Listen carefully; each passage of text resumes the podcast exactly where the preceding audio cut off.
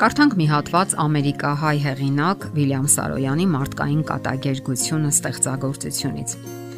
Միսիս Մակոլին հանկարծ լցվեց երջանկության հորձ զգացումով։ Հակառակ ամեն ինչի, որ եղել էր, կամ ամեն ինչի, որ կարող էր լինել։ Էհ, ես բախտավոր եմ եղել, ասաց նա։ Ես շնորհակալ եմ Աստծուց։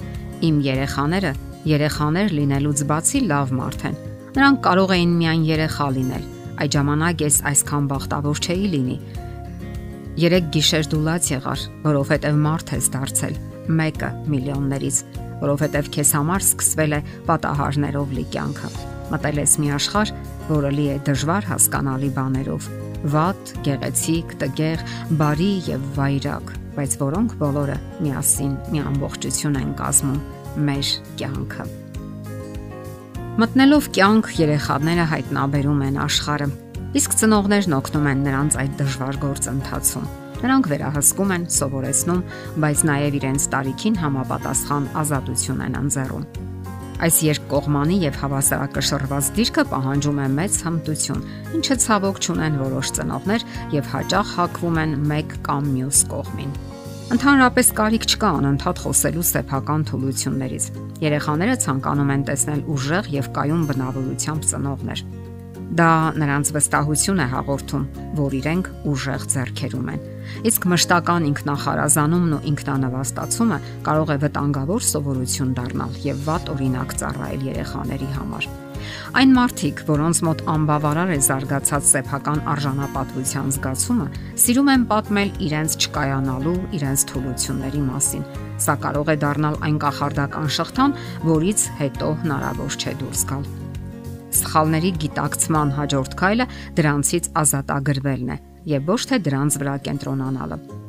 Ավելի լավ է լինեք լավատես։ Դուք կարող եք ձեր լավատեսությամբ եւ ժպիտով վարակել դիմացիններին, ինչպես նաեւ ջերմացնել ձեր եւ ձեր երեխաների կյանքը։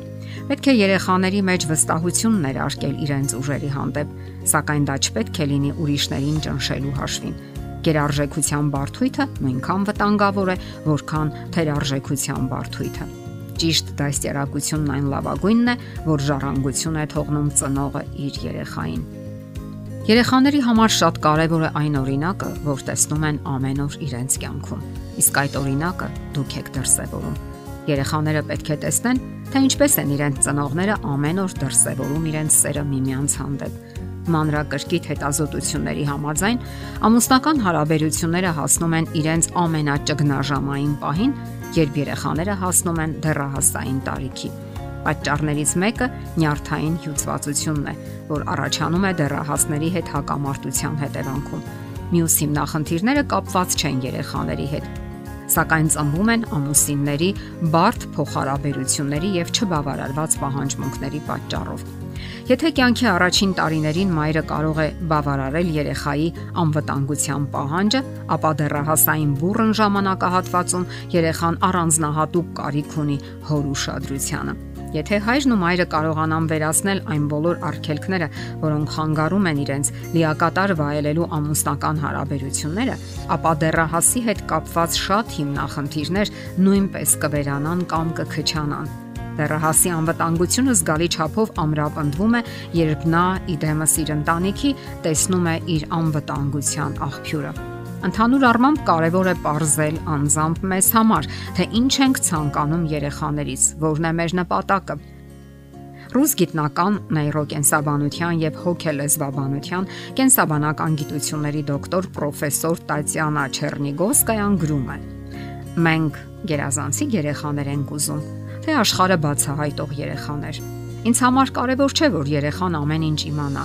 Ինձ համար կարևոր է, որ նա հասկանա, թե ինչ է տեղի ունենում մեր մոլորակի վրա։ Եթե մենք առաջարկեինք Մոցարտին, Բեթհովենին, Ծույլիկ Պուշկինին, ինչպես նաև Մենդելեևին կամ Էյնշտեյնին միասնական պետական քննություն հանձնել, ապա նրանք հաստատ կտապալվեին։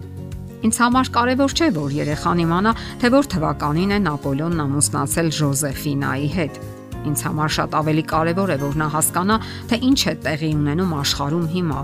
Մնացած ամեն ինչը Google-ն արդեն գիտի։ Ինձ պետք է այնպիսի երեխա, որի գլխում յուրահատուկ միտք ծագի եւ դա բացահայտում լինի։ Իսկ բացահայտումները առանց սխալների չեն լինում։ Մենք գերազանցիկ երեխաներ ենք ուզում, թե աշխարը բացահայտող երեխաներ։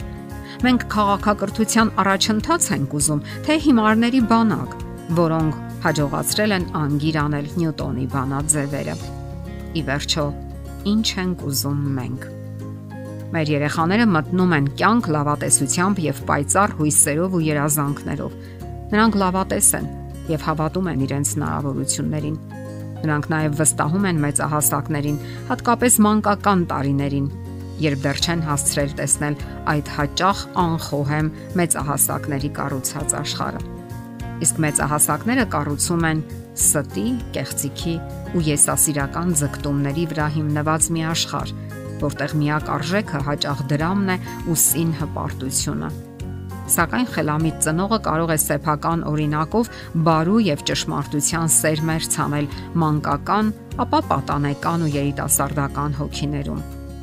Սա յուրաքանչյուր ծնողի պարտքն է ու պատասխանատվությունը, ինչպես կարդում ենք հետեւյալ մեջբերման մեջ։ Ցանկացած ծնողին տրված են անգնահատելի հնարավորություններ եւ առավելություններ. Իր ազդեցությամբ մայրը կարող է օրհնել աշխարհը եւ այդ անելով նա նաեւ իր հոգուն է մեծ ուրախություն պատճառում։ Եթերում է ընտանիք հաղորդաշարը։ Ձեզ հետ է Գեղեցիկ Մարտիրոսյանը։